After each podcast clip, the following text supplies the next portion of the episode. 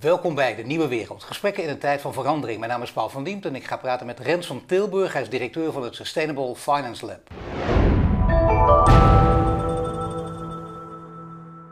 Welkom Rens. Ja, het Sustainable Finance Lab. Hè. Uh, er zijn natuurlijk mensen die precies weten wat het is, maar ik denk ook een hele grote groep mensen heeft nog geen idee. Terwijl jullie toch al ruim tien jaar bestaan. Wat doen jullie precies? Ja, nou bijna tien jaar uh, bestaan we. Bijna tien jaar. Um, opgericht vanuit de Universiteit Utrecht, ja. uh, destijds door Herman Wijfels. Die een, um, ja, eigenlijk een vijftiental merendeels hoogleraren van verschillende universiteiten in Nederland uh, bij elkaar had geroepen. eigenlijk vanuit het idee, we hebben in Nederland zo'n grote financiële sector. Daar komt zo ontzettend veel op af de komende jaren vanwege de hele duurzaamheidsuitdagingen. we hebben natuurlijk een hele grote financiële crisis gehad die ook Nederland heel erg hard heeft ja. geraakt. Um, maar er wordt zo weinig ja, echt over fundamentele veranderingen gesproken in Nederland. Dus dat was eigenlijk de analyse die hij op tafel uh, legde. Um, en hij zei, kunnen wij een club gaan beginnen, een, noem het een denktank, uh, ja, die in Nederland gaat proberen frisse ideeën te ontwikkelen. En die niet alleen maar vanaf de zijkant te roepen, maar vooral ook echt in gesprek gaan met de financiële sector zelf, met de beleidsmakers, uh, de toezichthouders, nou, eigenlijk alle partijen daar, daaromheen. Dus dat... Goed idee natuurlijk, maar uh, dan willen we weten wat voor mensen, wat is de achtergrond van, je hoeft ze niet allemaal te noemen uiteraard, maar uh, welke mensen zitten vooral in, in het lab? Ja, nou ja, ik denk wat het, wat het bijzonder is, is dat het echt een, uh, een, een, een, ja, een, een, een blijvertje is als het gaat om samenwerking tussen hoogleraren van verschillende universiteiten. Dat is eigenlijk al vaak geprobeerd in Nederland, maar, maar moeilijk om stand te, te houden. Um, hè, dus we hebben uit, uit Groningen bijvoorbeeld Dirk Bezemer. Uh, uit Maastricht uh, Clemens Kool. Uh, we hebben flink wat mensen in Rotterdam zitten. Dirk Schoenmaker, Irene van Staveren, Karen Maas. Um, uit Amsterdam Arnoud Boot, die ook de voorzitter is. Samen met Peter Blom van de Triodos Bank. Dus dat is de, de bankier die we hebben. Ja. Um, en hebben we natuurlijk gewoon uit, uit Utrecht Herman Wijfels, de oprichter. Klaas van Egmond, Bert de Vries. nou, uiteraard Harold Benink uit Tilburg, die hier ook al wel ja, gezeten zeker. heeft. Ja. Maar je zegt het is heel moeilijk om, uh, om hoogleraren van verschillende universiteiten. Is het dan uh, zo'n uh, gekonkele voes en keiharde competitie tussen de universiteiten onderling in Nederland? Nou ja, het is natuurlijk altijd een enorme competitie om, om waar besteed je je tijd aan. Hè? En dan is, het, dan is natuurlijk de druk vanuit zo'n universiteit om, om vooral je tijd aan de eigen universiteit te besteden is heel erg groot. Hè? Dus dat soort samenwerkingen binnen een universiteit is dan, dan ingewikkeld. Maar ja, blijkbaar vinden deze mensen het toch interessant genoeg om elke keer weer, weer, weer op te komen draven bij... hele grote fundamentele zaken waar jullie over praten, waartoe je ook bent opgericht uiteindelijk door Herman Wijfels. Maar voordat ik het daarover ga hebben, ik, ik merk wel vaak in dit soort gesprekken, dan kijken mensen en die zien dit en die zeggen, oh dat is een clubje van, van de elite. En elite is altijd negatief, hè, per definitie. Hoe zie jij zelf deze club? Is het inderdaad een clubje gevormd uit de elite van de maatschappij?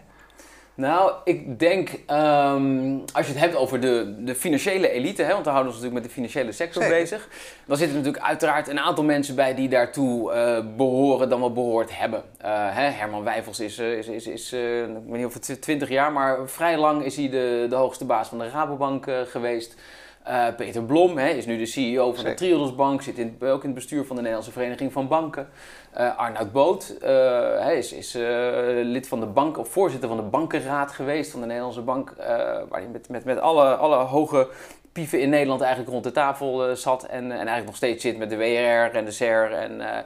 Uh, dus, dus, dus deels zeg je, ja zeker, dat is, dat is elite. En tegelijkertijd, en dat is denk ik wat, wat het Sustainable Finance Lab zo interessant maakt, in ieder geval voor mij om daarbij te zitten, is dat er dus ook een paar hele duidelijke ja, uh, uitdagers uh, aan tafel zitten. Hè? Mensen die, die dus juist niet lid zijn van al dat soort clubjes. Um, maar die juist met de vernieuwende ideeën uh, komen. Waar ik overigens niet wil zeggen dat de, de, de, mensen die ik net noemde geen vernieuwende ideeën hebben. Hè, maar die, die, die, toch wat, wat, wat, wat extremere, uh, vergaandere plannen op tafel leggen. Noem eens wat. Wat, wat is echt extreem? Of weet ik nou, dat heeft wat opschuddingen veroorzaakt? Nou ja, kijk, wat, wat wij bijvoorbeeld, um, toen we begonnen, waren er al een aantal uh, mensen. Hè, Klaas van Egmond bijvoorbeeld.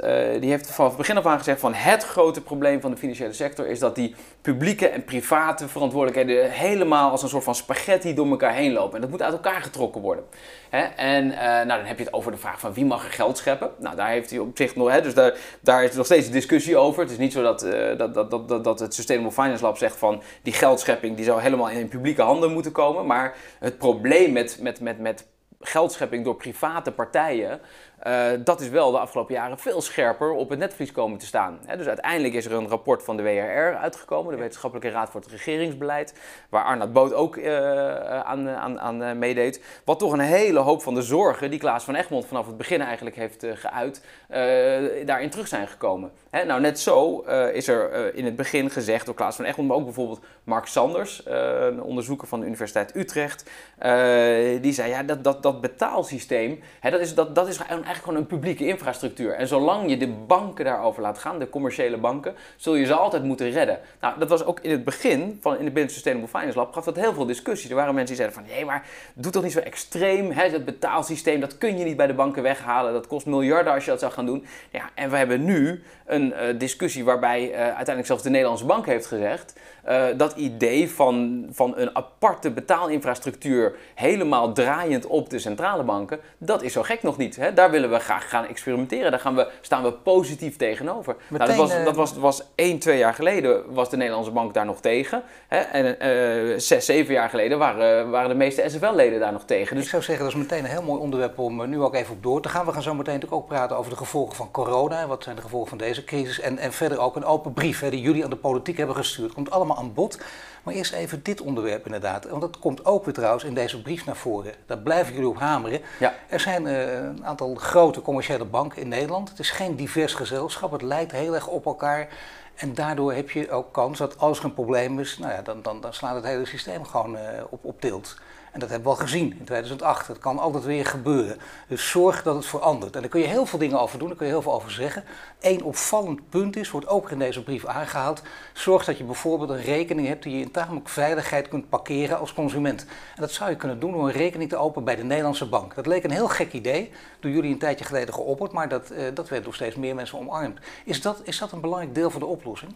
Ja, absoluut. Um, hè, want inderdaad, zoals je zegt, hè, we hebben in Nederland eigenlijk uh, een, een, een, hele grote bankensector. Die ook nog eens een keer uh, behoorlijk geconcentreerd is. Dus dat betekent dat er maar een paar hele grote spelers zijn. Die ook nog eens een keer behoorlijk op elkaar lijken. Financieel die, overgewicht wordt vaak genoemd ook. Hè? Financieel overgewicht, dat is inderdaad een, eh, een term die, uh, die je daarvoor kunt gebruiken. Um, hè, en, maar, maar, maar dat is ook nog eens een keer het overgewicht. Allemaal op de, hè, dus al die kilootjes die zien er hetzelfde uit. En het gevaar daarvan is dat als er dus een bepaalde schok komt, waar één van die spelers gevoelig voor is, nou dan zijn die anderen het waarschijnlijk ook, omdat ze zo op elkaar lijken. dus, dus dan valt je hele systeem om. Terwijl als je een financieel systeem hebt dat veel meer bestaat uit verschillende soorten partijen, hè, dus banken, maar daarnaast ook andere, uh, participatiemaatschappijen een grotere rol, hè, markten zeg maar, zoals in Amerika de markten een veel grotere rol spelen, maar ook binnen de bankensector dat groot en klein, uh, beursgenoteerd, coöperatief, uh, dat dat allemaal veel meer divers is.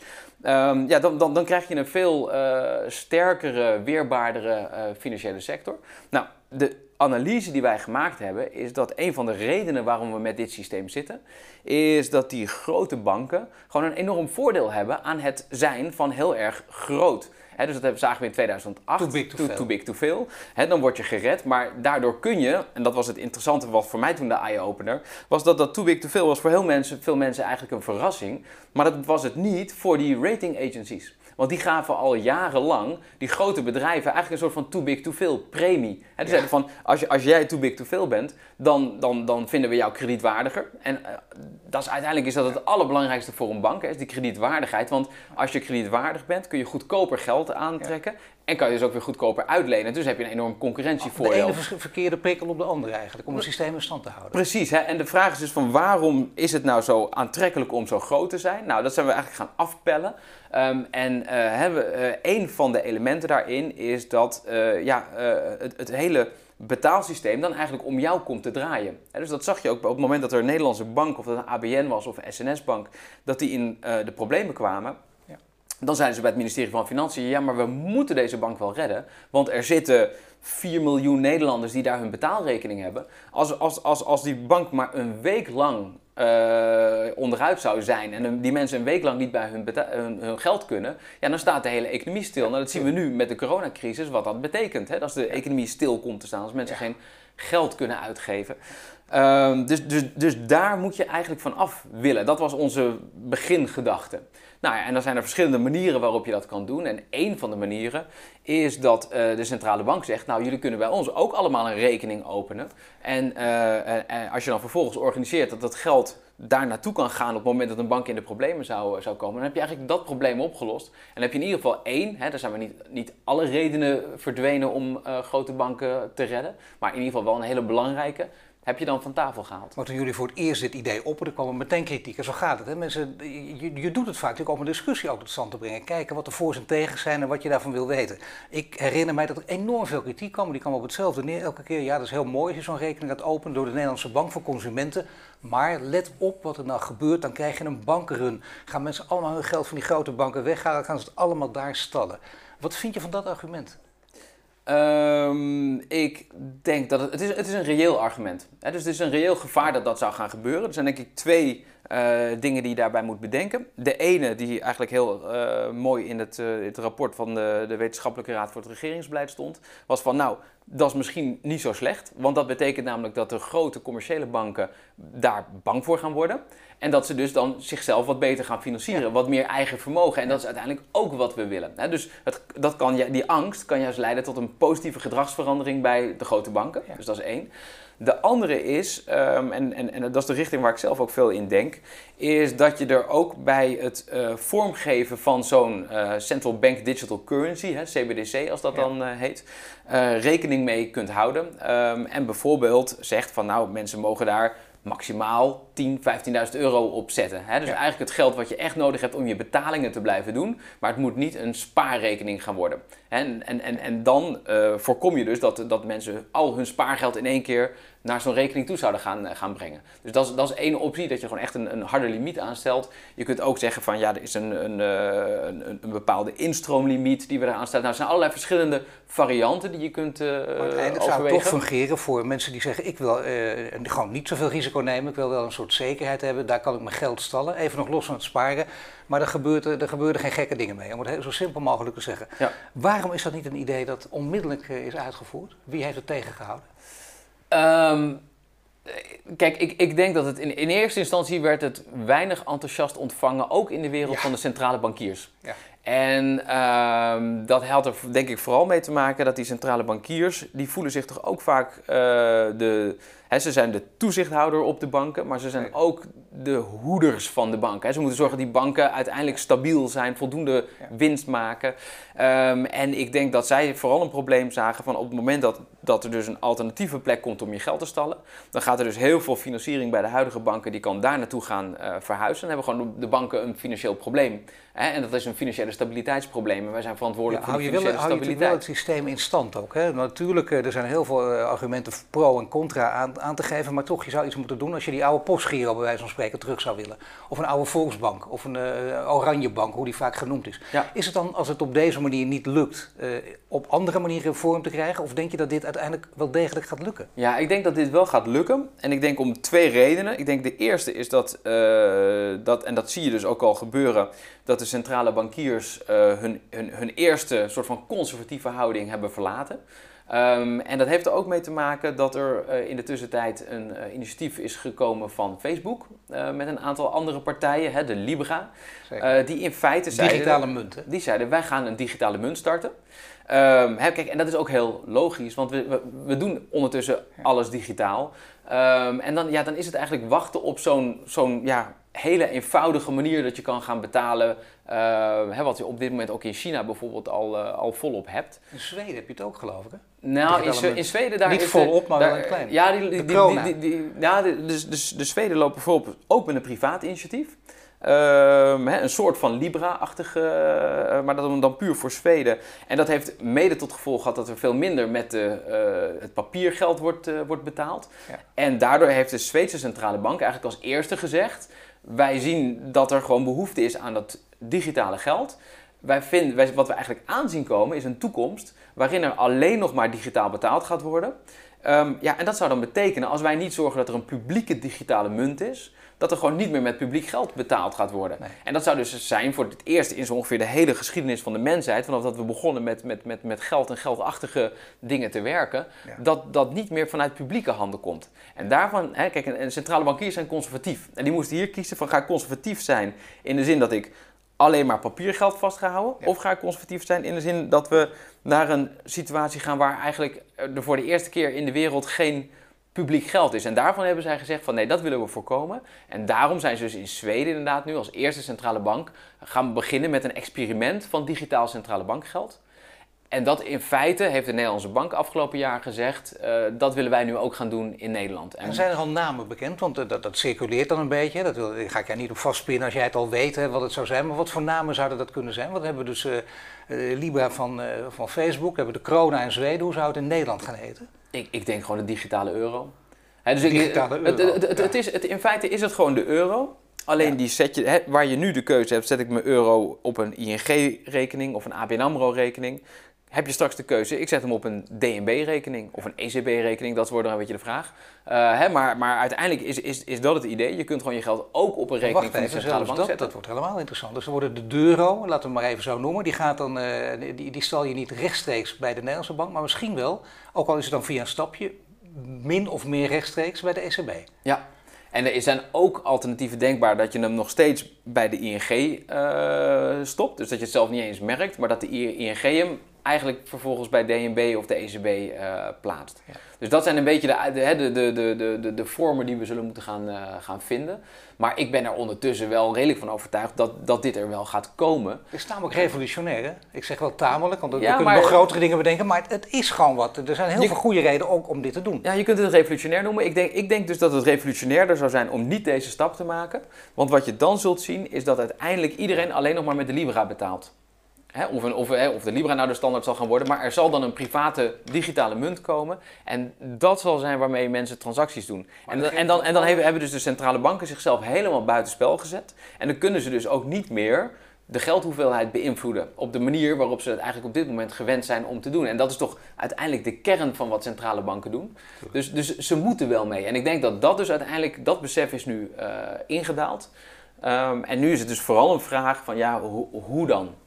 Maar ja, hoe dan? Dat is een, eh, een, technische kwestie. Daar kunnen we ook uren nu aan verspillen. Dat gaan we maar niet doen. Maar het, het, het, kan wel in een versnelling gaan. Want ik bedoel, dat heb je altijd. Hè. We hebben nu de coronacrisis. Je ziet dat, dat, dat dat is de ideale tijd om tot systeemveranderingen te komen. Gaat dat hier dus ook snel nu, denk je? Dat het zou kunnen dat wij, uh, dat we hier bijvoorbeeld over drie maanden weer praten, dat het dan al gebeurt is? Of is dat te snel? Nou ja, de tijdslijn die ik als laatste hoorde was dat um, eind dit jaar de Europese Centrale Bank met een rapport gaat komen over uh, deze digitale munt. Um, en dat op basis daarvan nee, de DNB dan eigenlijk graag als een van de eerste een experiment wil gaan, uh, gaan starten. Um, ja, er liggen al heel veel rapporten, dus je kunt je afvragen van waarom moet, uh, moet de ECB daar nog een half jaar op, uh, ook nog op gaan, gaan ja, studeren. tijd winnen. Uh, maar ja, goed, ik, ik, neem aan dat, ze, dat, hè, dat is natuurlijk ook tijd die vooral nodig is om, om intern iedereen mee, mee te krijgen. Ja, en wat natuurlijk wel ingewikkeld is nu, is dat door de corona, dus ik denk dat wat dat betreft corona eerder nog een beetje een, een vertragende factor uh, kan zijn. Eh, centrale bankiers zijn, zijn primair nu bezig met die coronacrisis en de economische en financiële crisis daar, uh, daarvan. En dat leidt een beetje af van, van, van dit soort zaken. Ja, dat is aardig om dat te noemen. Dat leidt af van dit soort zaken. Er zijn andere zaken die ook af en toe afleiden, waar jullie ook hard voor hebben gemaakt. Namelijk voor het langzaam afbouwen van die hypotheekrente. Ook van die hele gevoelige punten zijn dat. Ook, ook, een, ook een hele belangrijke, kun je wel zeggen dat is, dat is je bijna ontglipt. Want dat ging, dat, er, er, lag iets. Je dacht, nou dat is keurig ook allemaal in wetgeving afgesproken. Hij wordt ook langzaam afgebouwd. En opeens stopte dat. Kun je vertellen hoe dat precies zit? Ja, ja. ja dat, dat ging uh, over de, eigenlijk de hoogte van de hypotheek in Nederland ten opzichte van de waarde van het huis. dus de loan to value uh, heet dat met een mooi Engels woord. En um, die is eigenlijk in bijna alle landen om ons heen is die 70, 80 procent. Dus dat betekent als je een huis wil kopen, moet je gewoon zelf geld meenemen. En dan laat je zien aan de bank van ik, uh, ik kan sparen, ik ben uh, kredietwaardig. En in Nederland hebben we als, als, als een van de weinigen hebben we gezegd van nee, je kan, je kan de hele waarde van je huis kun je, kun je lenen. En sterker nog, daar mag nog wel wat bovenop. Hè, want je wil ook nog nieuwe meubels kopen en een beetje verbouwen. En, hè, nou, dus dus daar was voor 2008 ehm, was dat, uh, er was ook wel een hoop gesteggel over die normen, maar dat was 110, 120 procent, uh, waren soms uitschieters tot 130 procent. Um, daar keken, echt, keken de buitenlanders, toen, toen, toen, in 2008 die crisis uitbrak, die keken daar echt uh, nou, met grote verbazing naar. Maar terecht het, ook, het was ook idioot, ja, toch? En terecht. En, en Nederland bleek dus ook met Denemarken de wereldkampioen hypotheekschuld te zijn. Dus ja. nergens in geen land is er zoveel hypotheekschuld als in Nederland. Dus we zien onszelf altijd als die zuinige uh, spaarders. Maar, maar, maar voor onze huizen hebben we ons enorm diep in de schulden gestoken. Nou, even even tussen haakjes, hè, maar dan moeten we even denk ik hier niet vermelden. Toch bij vermelden, als het over Noord-Zuid dan gaat, dan die discussie ook in, in alle emotie getrokken. Maar uh, van onze kant inderdaad de hoge hypotheekschulden, hoge studieleningen, hoge bankschulden. Dus uh, wij kunnen er ook wat van. Hè? Ja, Op nee, de pof rekenen ons rijk. Nou ja, en, en, sterker nog, dus die, die hoge bankschulden, dus dat wij zulke hele grote banken hadden die dus veel financiering uit het buitenland moesten aantrekken, daardoor afhankelijk waren geworden van het buitenland. Dat had te maken met die hoge hypotheekschuld. Hè? Dus dat, um, maar dat maakte ons in 2008 eventjes heel kwetsbaar. Dat is, hè, dat, is, dat is gelukkig goed afgelopen. Maar er is een moment geweest dat, dat, dat dus de, in de internationale markten eigenlijk hele grote zenuwen ontstonden over de Nederlandse banken.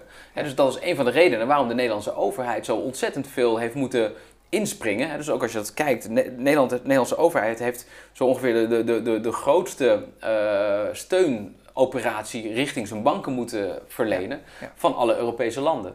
Um, en dat, dat, dat had dus hiermee te maken. Nou, dat leidde ertoe dat er eigenlijk in Den Haag een hele grote overeenstemming was van we moeten dat naar beneden brengen. We moeten gewoon veel meer ja. richting wat er internationaal op dat vlak uh, geldend is. En toen is er gezegd, dus als Sustainable Finance Lab zeiden van nou ga dan naar die 80% toe. Toen is gezegd, nou dat is misschien een beetje erg geruig, we gaan naar die 90% toe. En dat gaan we doen door elk jaar 1% uh, eraf te halen. Dus het was op dat moment 110%.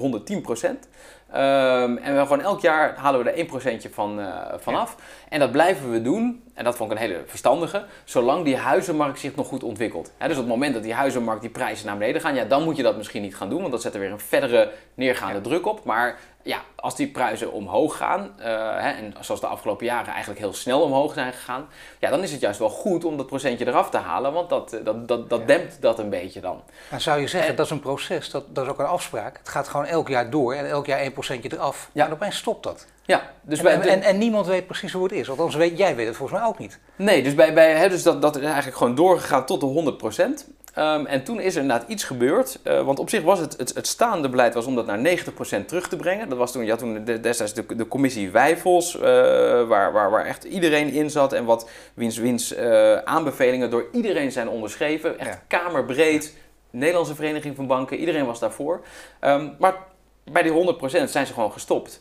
Uh, Klaas Knot van de Nederlandse Bank heeft ook nog wel eens geroepen van jongens, we hadden afgesproken 90%, dus zet eventjes door. Ja. Uh, maar daar was, daar was ook in één keer niemand meer voor te porren. Uh, maar mag ik toch even, want het is heel interessant hoe zo'n proces dan loopt. Hè? Want zelfs Klaas Knot, president van de Nederlandse Bank, wist dit niet. Had niet in de gaten wat hier precies, wie aan welke knop zat te draaien. Nou ja, dat, dat, dat weet ik niet of hij, of hij het niet wist waar nou, dat, dat, gebeurde, lijkt... maar, maar hij kon het in ieder geval niet uh, tegenhouden. Nee, nee, nee. Dat, is, uh... dat is toch heel vreemd. En, ja. en, we weten dus nu nog niet. Er is toch een soort onzichtbare hand die hier iets heeft aangericht. Is het niet een heel groot onderzoek waard? Is het zelfs niet nodig om dat te doen?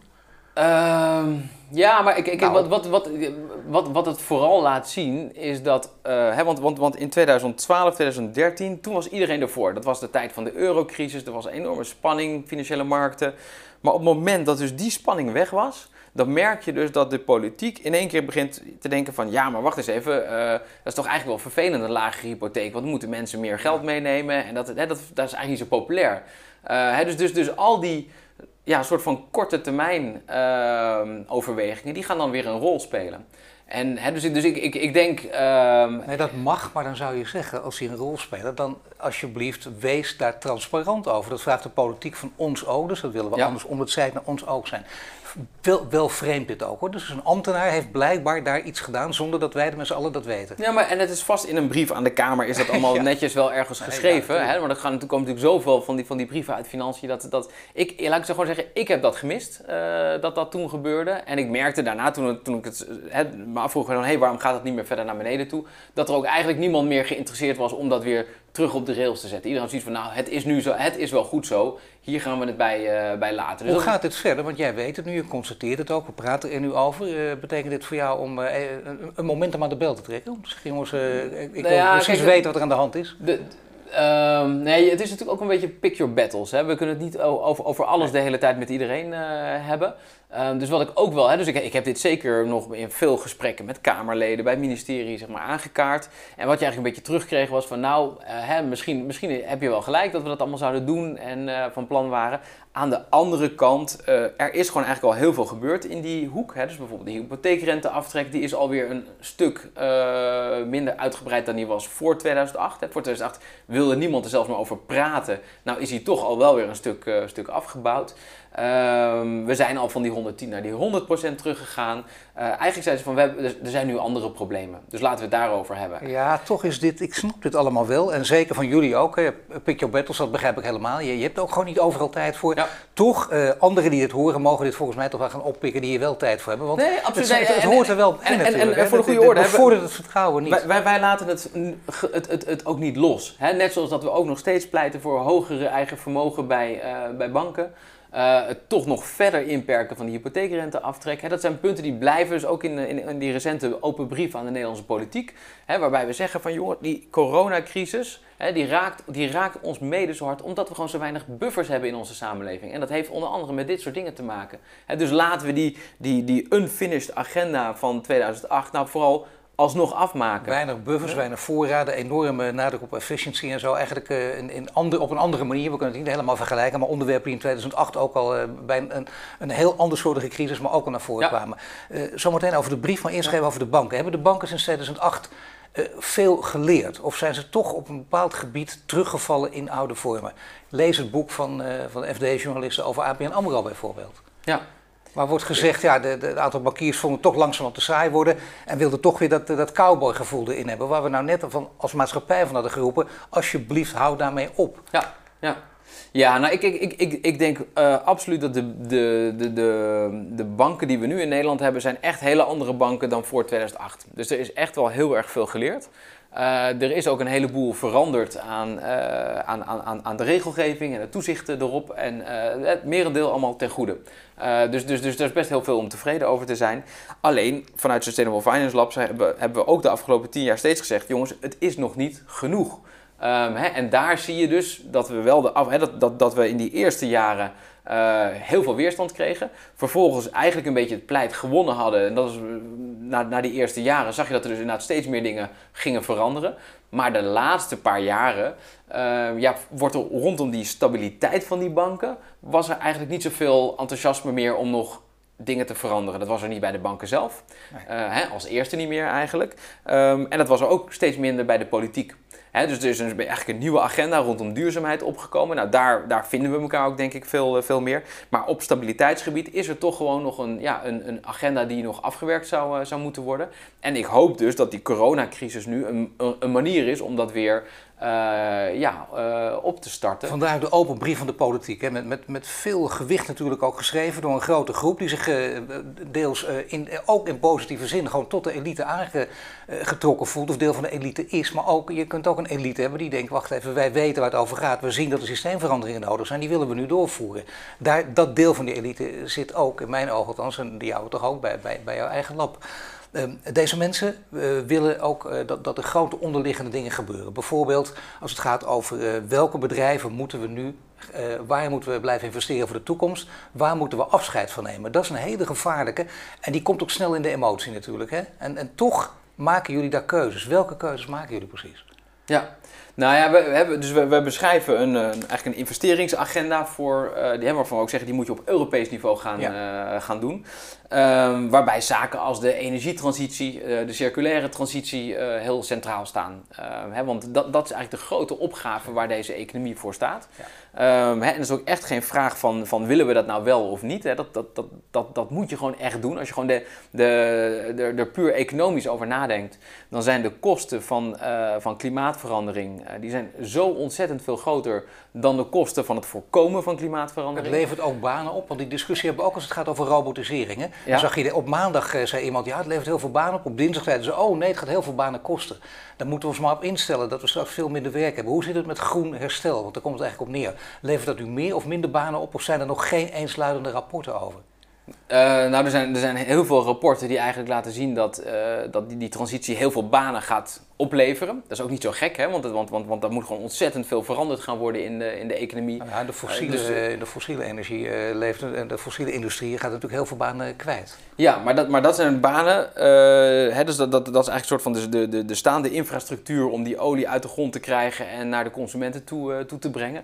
Als je het hebt over de transitie, dan heb je het over zo ontzettend veel meer werk. Hè? Als je alleen al denkt aan het energiezuinig maken van de huizenvoorraad in, in Nederland, dat is natuurlijk heel arbeidsintensief werk. Nou, net zo het gewoon echt opbouwen van nieuwe energiebronnen. Uh, hè, of dat nou, nou zonnepanelen zijn, of wind, of, of, of, of, of nog innovatievere zaken. Waar, warmtenetten, waar, waar, zijn... waar, steden dus ook jarenlang opgebroken van liggen, dat moeten we allemaal weten, maar wel ja. met een bepaald doel. We hebben het ook in andere landen al gezien. In Denemarken is het ook allemaal gebeurd, dus het kan. Ja, ja. en dat moet allemaal nog gebeuren. Hè? Dus dat is het grote verschil met, de, met de, de, de infrastructuur voor de fossiele energie. Die ligt er gewoon eigenlijk. Hè? Dus er zijn alleen de mensen op dit moment nodig die dat onderhouden. Ja, die nieuwe infrastructuur die moet gebouwd gaan worden. Hè. Dus alleen al daarom mag je verwachten. Maar goed, dat hebben organisaties als TNO, die hebben het allemaal veel meer in detail uitgerekend. Uh, en die komen altijd tot de conclusie, dit gaat heel veel banen opleveren, juist als we dit gaan, uh, gaan, gaan doen. Ja. Nu speelt er nog iets. Um, er zijn veel mensen die zeggen, ook al zou ik dit aantrekkelijk vinden, en dat, dat kun je uit, uit veel van die opiniepeilingen bijvoorbeeld opmaken, van door, door verschillende organisaties uitgevoerd en, en uh, naar buiten gebracht dat mensen dit, ook als ze dit omarmen, toch angst hebben. En zeggen, luister, het gaat nu heel slecht. Ik moet op mijn eigen portemonnee letten. Veel meer dan ooit zich de vraag stellen, what's in it for me? Allemaal leuke en mooie plannen. In goede tijd had ik het zeker willen steunen. Ik begrijp dat het belangrijk is, maar ik wil nu echt naar mijn eigen portemonnee kijken. En ik wil niet dat mijn energierekening nog eens meer gaat oplopen. Dus nu even niet. Laten we echt nu naar andere dingen kijken. Wat zeg je tegen mensen die die redenering aanhouden? Ja, nou ja, dat, dat, dat ik ze helemaal begrijp. dus op, op, op het individuele niveau klopt dat. Um, en dat is ook precies de reden waarom uh, de komende jaren uh, de grote klap moet gaan komen vanuit publieke bestedingen. Dus we zitten, de, de, economie heeft een, een, een he, dus die cijfers, vandaag weer nieuwe cijfers daarover gekomen. Goed, die bevestigen eigenlijk wat we al wisten. Dit is een ongekende klap voor, voor, voor de economie. Ja. Uh, ja, dus zullen heel veel mensen, hè, bedrijven gaan stoppen met investeren, mensen gaan stoppen met geld uitgeven. Ja, dat is het moment. Hè, dat, Keynes uh, heeft dat uh, in, in, de, in de, die vorige grote depressie allemaal uitgetekend. Um, voor de overheid om erin te stappen en geld uit te gaan geven. En zich ja. eventjes niet zorgen te maken over uh, overheidstekorten, oplopende schulden. Want het ergste wat je op dit moment kan gebeuren, is dat, dat, dat, dat, dat mensen nu allemaal massaal hun baan kwijt gaan raken, nog minder geld uit gaan geven. En dan, dan breng je jezelf in een vicieuze cirkel, ja. waarvan het einde echt niet, niet, niet, niet in zicht is. Dus het is nu aan de overheid om te zorgen dat mensen banen houden, dat dus dit soort van bestedingen eigenlijk gedaan gaan worden. Um, en in feite zie je dus ook, hè, in Nederland hebben we natuurlijk een groot steunpakket uh, op dit moment uh, lopen. Hè, ik denk dus dat moet gaan verschuiven van het steunen van het bestaande naar investeren in het nieuwe. Maar dat is duidelijk. Uh, wat je nu zegt belangrijk, want dat betekent steunen van het bestaande, dat moet gaan verschuiven naar investeren in het nieuwe. Dat betekent dus dat je ook afscheid moet nemen van bepaalde ja. bedrijfstakken. Maar waar, waar, moet je van wie moet je afscheid nemen? Want dat is goed om te weten. Ja, nou ja, als, om, een, om een voorbeeld te noemen. Uh, op dit moment, uh, het pakket ligt er nog niet, maar, maar het lijkt erop dat we een hele ruime steunverlening gaan geven aan KLM. He, dus daar zijn allemaal, allemaal, piloten, die zitten nu werkloos thuis. Um, en dan is de vraag, gaan we die mensen allemaal door blijven betalen? Zeg maar tot de komende, hè, want er zijn verwachtingen dat het nog wel eens vier jaar kan duren, drie jaar, vier jaar, voordat KLM weer net zoveel aan het vliegen is als ze deden voordat de coronacrisis kwam. Um, terwijl we ook klimaatdoelstellingen hebben. En volgens die klimaatdoelstellingen moeten we juist minder gaan vliegen. En dus ga je dan nu al die piloten doorbetalen tot over vier jaar en dan constateer je van ja, maar eigenlijk willen we niet eens meer dat jullie gaan vliegen. Um, uh, willen jullie wat anders gaan doen? Of ga je op dit moment al zeggen, uh, we moeten een, een, een, een transitie maken van zeker de, de vluchten binnen Europa, van vliegen naar spoorvervoer. En wat, hoe kunnen we ons geld inzetten om dat mogelijk te maken? Dat is een hele belangrijke. En, dus, dus, dus, bij wijze van spreken het, het, het, omscholen van de piloten tot, uh, tot treinmachinisten. Maar dat betekent dus wel, als je, nou ja, dat is een harde keuze. Een duidelijk voorbeeld ook. En dat betekent ook afscheid nemen van KLM. Nou nee, ik denk dat KLM op zich prima kan blijven bestaan, maar die zal wel veel minder intern uh, in Europa moeten gaan, uh, gaan vliegen. He, dus daar, daar, daar moeten we gewoon echt naar alternatieven toe. Nou ja, van KLM wordt een KLM'tje. Uh, nou ja, ze hoeven in ieder geval niet meer zo hard te groeien als ze, als ze, als ze nu altijd uh, willen doen. En hetzelfde geldt voor, voor Schiphol. Dus we gaan wel echt naar een andere economie toe. Dus je neemt afscheid van dingen, maar er komen ook heel veel dingen voor terug. Want er zullen gewoon veel meer treinen, hoge snelheidstreinen, door Europa gaan. Ja, je uh, zegt gaan dit rijden. gaat gebeuren. Een aantal dingen die zijn, zijn bijna onafwendbaar. Een aantal dingen zijn natuurlijk geen natuurverschijnselen. Dat zijn natuurlijk ook weer politieke keuzes die, eh, die gemaakt moeten worden. En die hebben altijd met lange termijn te maken. En polit- politici blijven nooit zo lang aan. Die moeten om de vier jaar weer eh, vrezen dat ze niet worden herkozen. Ja. Dus aan wie moet je dit overlaten? Moet je niet een veel grotere rol dan aan bijvoorbeeld het bedrijfsleven geven of aan andere instanties om, om, om dit traject te volgen?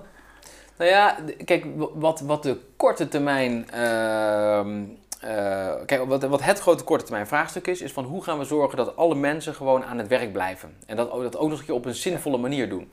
Eh, dus, dus wat dat betreft denk ik dat de politiek op dit moment wel degelijk geïnteresseerd is in goede plannen om eh, op dit moment te investeren.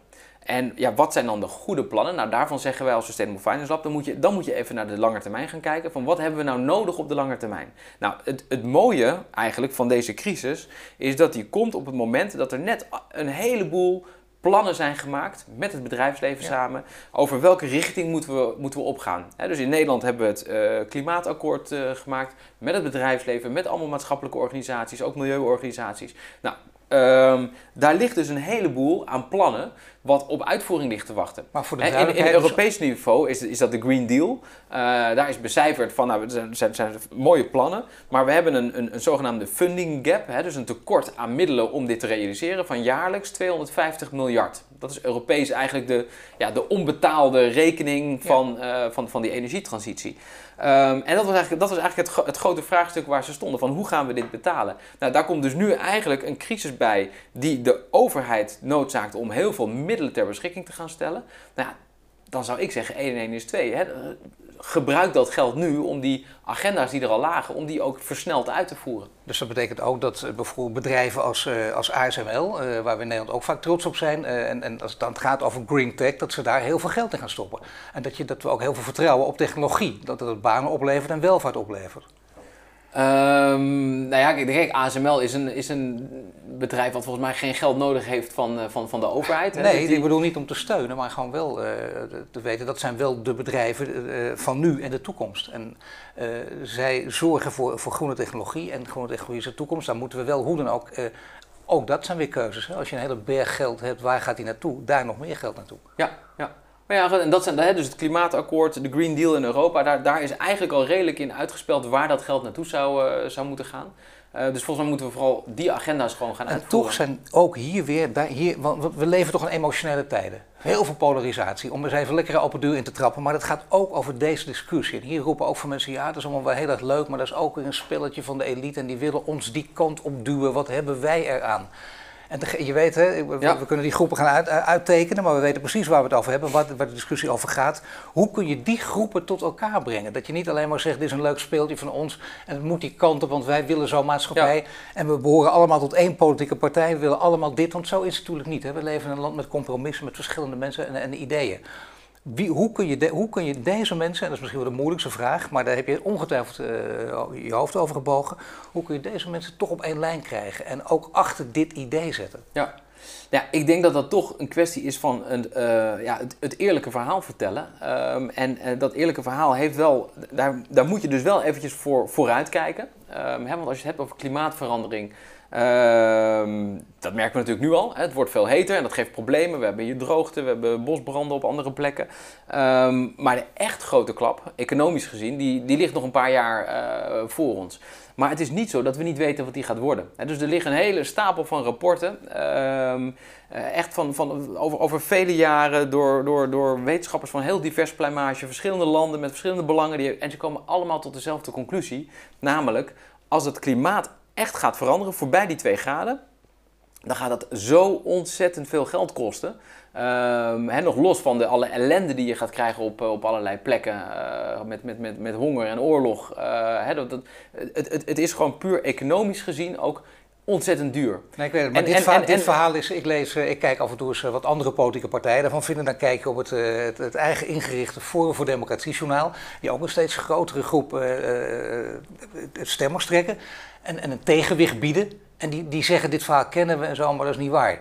En zeg je dan nou, dat, dat, dat is een onmogelijke discussie, want dan moeten ze die rapporten goed lezen. Is, is het zo hard? Nee, of hebben, hebben, hebben, hebben zij ook een punt met een sceptische verhaal? Nee, daar hebben ze echt geen punt mee. dus, dus, dus, dus, deze wetenschap, dat, dat is ook. Um, het is eigenlijk nooit eerder voorgekomen in de, in, de, in de geschiedenis van de mensheid. dat we de wetenschappers wereldwijd in zo'n ontzettend intensief traject met elkaar samen hebben gezet. En gezegd van jongens, probeer nou eens, waar zijn jullie het over eens? Nou, dat zijn die IPCC-rapporten die daaruit zijn gekomen. Ehm, ja, als je daar dan nog van gaat zeggen, het is allemaal niet waar en je komt er met argumenten die eigenlijk niet, ja, geen hout snijden, dan, uh, ja, dan zet je jezelf, vind ik, buiten de discussie. dus de, de, de, de, de, de, de, de waarheid in deze is toch echt dat er enorm hoge kosten op ons afkomen, tenzij we op dit moment bereid zijn om relatief lage investeringen te doen dus het is, het, is, het is echt duurkoop als je nu niet even wil, uh, wil investeren. Maar op individueel niveau moet je er wel rekening mee houden dat, jou, uh, dat je, kijk, je, je wordt aangemoedigd en begrijpelijk, gezond te leven, dat je, dat je voedselrekening uh, een heel groot deel van je, van je inkomen gaat behelzen.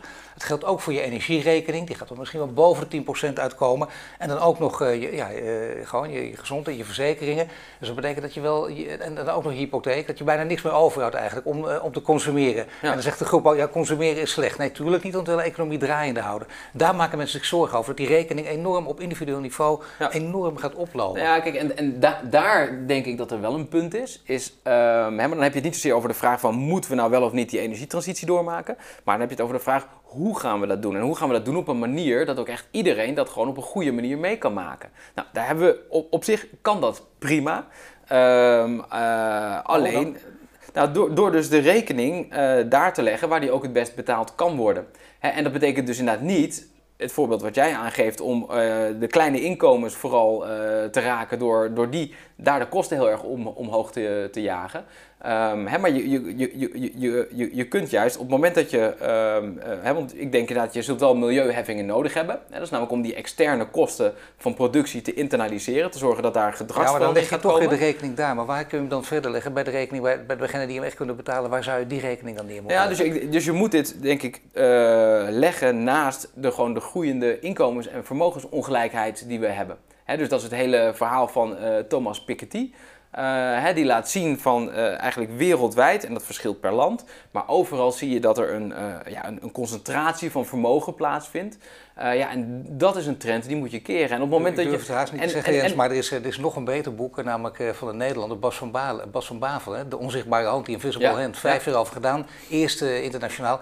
Uh, ik zou bijna zeggen dat dat, dat is uh, nog minder politiek beladen dan het boek van Piketty. En dat gaat over hetzelfde onderwerp. Maar daar moet je dus vandaan halen. Ja, ja, en, en let wel, hè, want ik denk, dan, moet, dan, dan kun je bijna uh, een soort van denken van ja, maar dat, dat gaat er niet lukken. Hè? Dat is zo'n grote trend van, van vermogensongelijkheid. Want Bas van Bavel is daar vrij negatief over, hè, over de mate waarin je daar überhaupt. Hè, Piketty is zo positief, die komt elke keer weer met allerlei uh, wilde ideeën. Nou, één ding uh, van Bavel wel, namelijk een hele genuanceerde discussie overigens over de erfenissen. Niet de mensen die gewoon niet, niet, niet de jaloezie van, niet de mensen ja. die keur voor hun kinderen gespaard hebben. Ja. Daar moet je allemaal van afblijven. Die hard gewerkt hebben, hun bedrijf verkocht hebben, daar moet je van afblijven. Ja. Maar degene die natuurlijk in de, in de, in de miljarden zitten en, en die op de gekste manier aan de geld zijn gekomen. Ja. Daarvan mag je zeggen, uh, daar gaan we het geld vandaan halen. Ja, nee, absoluut. En wat ik dus wil zeggen is van als je kijkt hoe ontzettend groot die ongelijkheid is, dan hoef je daar maar een heel klein beetje van af te halen. En dan heb je al genoeg om die energietransitie te betalen op een manier dat voor niemand de rekening omhoog hoeft te gaan. He, dus, dus, dus, dus, het is niet, laat staan als je Piketty zijn, zijn, zijn ideeën echt in de praktijk gaat brengen. Nou, dan heeft al helemaal niemand het meer over de kosten van de energietransitie, want die vallen dan echt gewoon weg. Je bent directeur van het Sustainable Finance Lab. Je hebt een aantal geweldige ideeën geopperd, die, die geweldig helemaal ook in de zin van groot en, en die, die, die wel met lange termijn te maken hebben, die je wil meemaken. Wij zijn allebei nog vrij jong, gaan we dit meemaken? Ja. In ons leven?